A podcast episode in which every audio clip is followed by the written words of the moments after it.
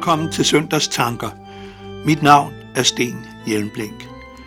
Egentlig skulle jeg indlede med at sige godt nytår. Denne søndag indleder vi nemlig et nyt kirkeår, når vi fejrer søndag i første søndag i advent. Men vi plejer ikke at sige godt nytår. Derimod er der nogen, der siger glædelig advent.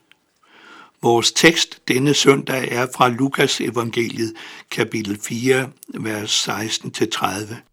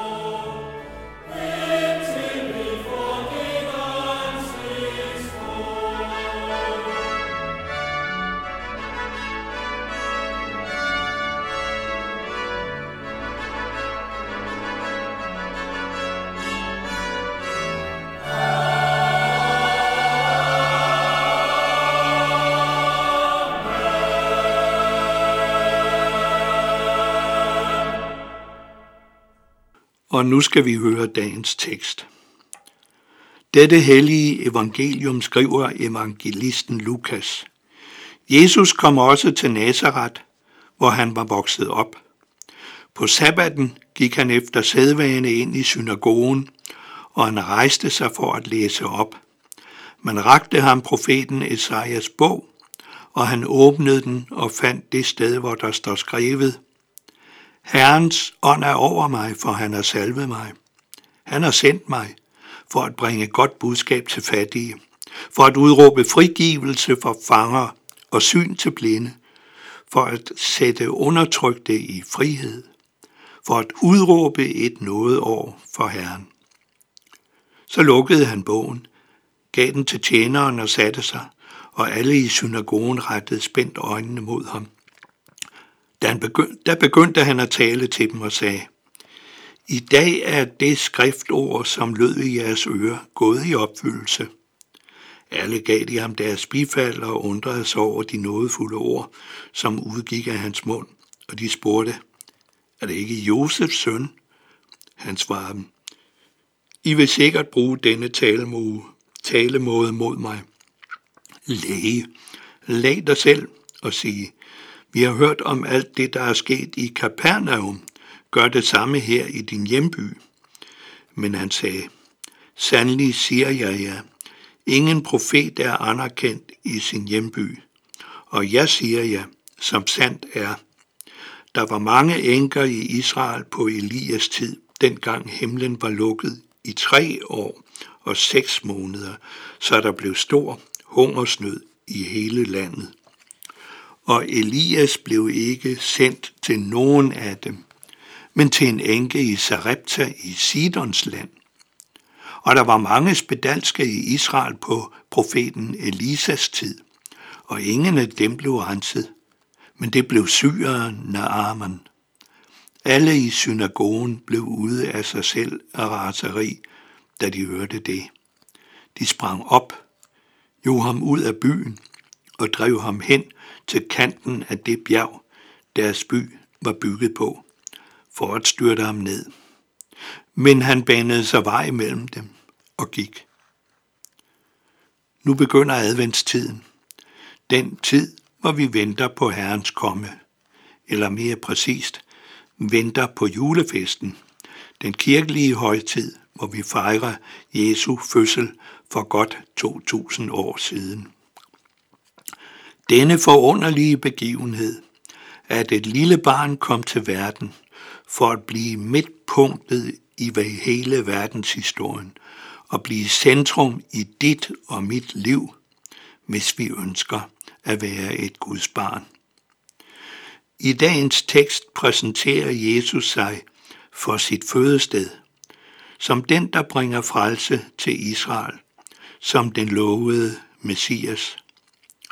Først bliver de glade og bifalder hans oplæsning, men da han forudsiger, at han vil blive afvist på samme måde som tidligere profeter var blevet afvist i Israel, så bliver de vrede og jager ham bort.